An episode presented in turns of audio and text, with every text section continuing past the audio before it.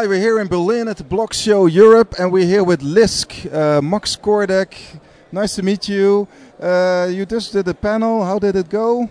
It went really well. We talked about education and blockchain, especially this year, because there are so many new people getting into the space. And in order to let them not getting scammed, you need to educate them. What is a good project, but also what the basics.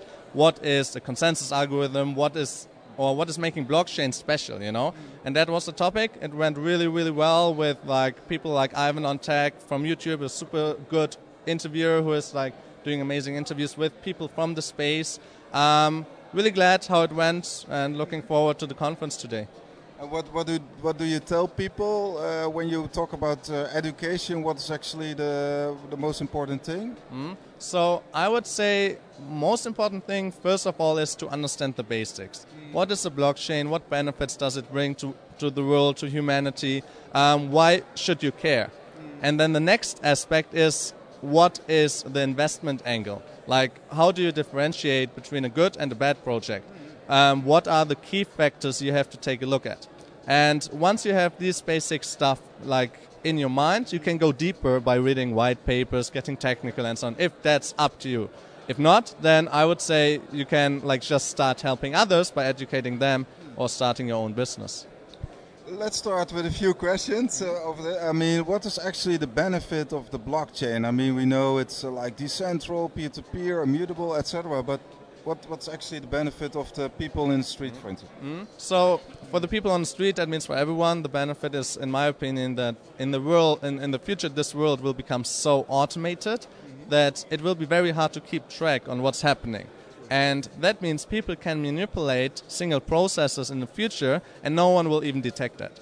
So in this world, I think if like single processes are running on smart contracts or on blockchain technology, which is immutable, which is not like manipulable and which you cannot just change, um, then we at least know, okay, this is running as it should be.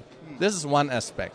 Another aspect is, yes, it's removing middlemen. So do we want to drift into a future where like big corporations are taking over or do we want to get the people back into power and getting people back into power is possible through a peer-to-peer network through a network which is run and maintained by the people itself and not by a huge company in the middle All right, sounds good and what are actually, if you look, at, just make a, a, next step. I mean, as an investor, what was actually, how do do you make a division between a good and a bad project? For instance, hey, you, like you mentioned yourself, there are a lot of, or I mean, there are scams going on. So, mm. so I myself, I'm not really participating in all the trading and all the investment and so on. I'm building like technology, Lisk. Um, but if I would have to like say something about that, I would say always take a look at the team first, because yes, they might collect like 20 million dollars, but the end product will look very different to what they initially planned. Why? Because you always pivot along the way, you learn new things, you make experiences you didn't know before, right? Yeah. So if the team is good, they can provide a product which works and which somehow was aligned with the initial vision. So that's like key factor number one in my opinion. Key factor number two is don't get distracted by a nice website. Look deeper. Look on, like into the technology itself. Is it worth it? Is it like, like, is it good for something, or is it just some hype stuff which sounds good but actually no one needs? Hmm. Do you maybe have an example of a of a hype coin or, or a hype project? No. One of the points on the stage was that we are currently not keeping ourselves up to date what's happening because we are so deep into Lisk. We are working eight to ten hours just to make Lisk happening. And like a key learning from Consensus in New York, for example, a few weeks ago, is that we need to educate ourselves more about other peop- uh, other projects and other technologies inside the space. Um, I will not comment on like what is a hype project, but there are many which are living on hype, but don't provide something substantial. Um, even Lisk itself sometimes has these hype waves, um, but what we have at least is really constant development. We are always ranked in the top three of the most active development community uh, development uh, GitHub projects in the industry. You know. Yeah, let's talk about Lisk. Uh, a few questions about that. Top uh, 25 coin. Uh, you said, yeah, it's not the most important thing. It's all about the technology. Maybe you can uh, go dive into that. What are the milestones eh, you've reached uh, this year and last year uh, since the ICO? Yes. Yeah. So um, let me first explain more about the vision of Lisk, what we're trying to build. Yes. So with Lisk, it's all about accessibility and about enabling developers to build their own blockchains. Mm-hmm. So we want to make this technology really widespread because we believe in the future which is decentralized. Mm-hmm. And for that to happen, we need to bring down complexity of the like technology itself. Mm-hmm. And for that, we are building tools for developers so that they can develop amazing software with it. In JavaScript. In JavaScript, yeah, inside this uh, realm like blockchain, dApps, and so on. Um, and so if I'm like asking myself, um, for example, what's what's like the the key challenge for a startup like Lisk is, um, then it's like really keeping people focused and not like getting too many distractions. But we also need to keep ourselves informed about what's going on, you know. Um, then what was the question exactly about Lisk? No, maybe uh, what what milestones are you looking? Uh, what goals do you have yeah. for this year? Yeah. Uh? So mm. coming back like from the ICO, we did the ICO early 2016, and we needed a whole year to set up a proper like legal structure to make it like a serious project. We are not some fan project. We really want to make it happen and big in the future. You know. You're based in, Swiss- in Switzerland. Switzerland. Yeah, and we have like many contractors around the world in Berlin, in Hamburg, in Dublin, in New York um, in Rotterdam as well. So many, many contractors. So it's a bit decentralized in that aspect as well. But main work really happens from here in Berlin, actually. Um, and so this was 2016, setting up the, the foundation, setting up the legal structures. 2017, we then started to hire. We grew from just two people to 40, um, or a little bit under 40. We are 40 now. You were uh, one of the two, eh? Yeah, I was one of the two. My partner Oliver Beddows was the other one. Um, so we scaled up the company. We introduced new products necessary to build the vision we have. Um, for example, Lisk Elements, Lisk Commander, Lisk Core, Lisk Hub, Lisk Now. There are many, many different products.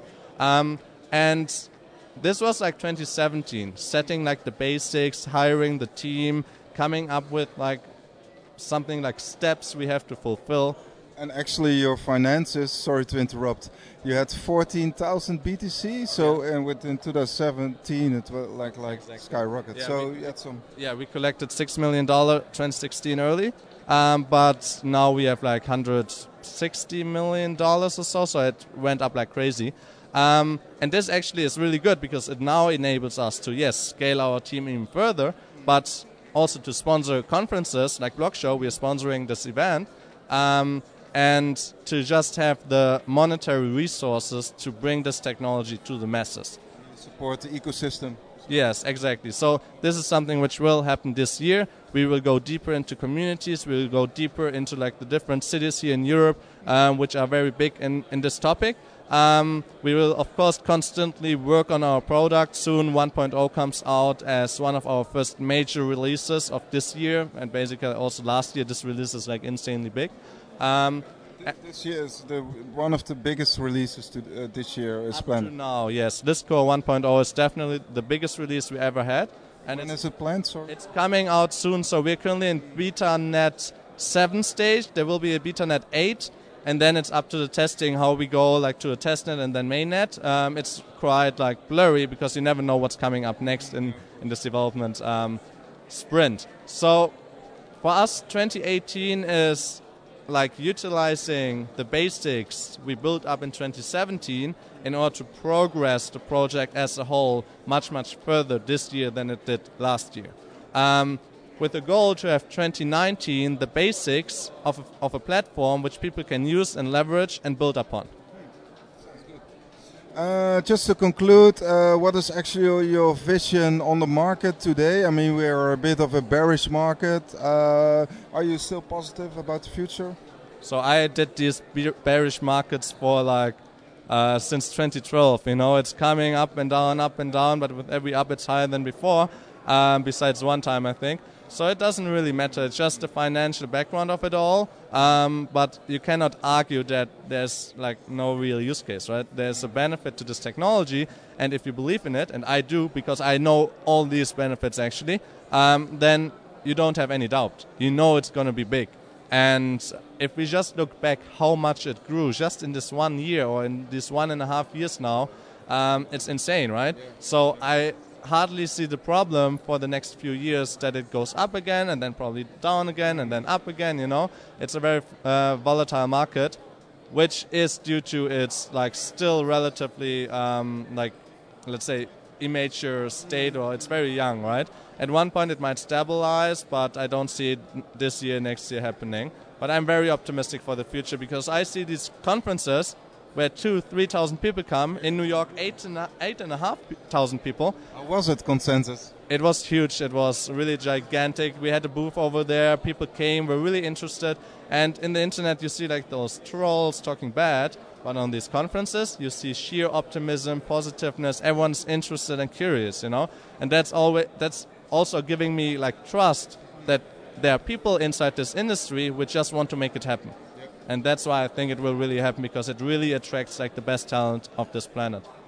All right, thank you very much, uh, Max Kordek, and uh, all the best for Lisk. Uh, watch this project, project, guys, in the Benelux. I mean, very promising, and a very big update this year. So, uh, uh, yeah, get some Lisk.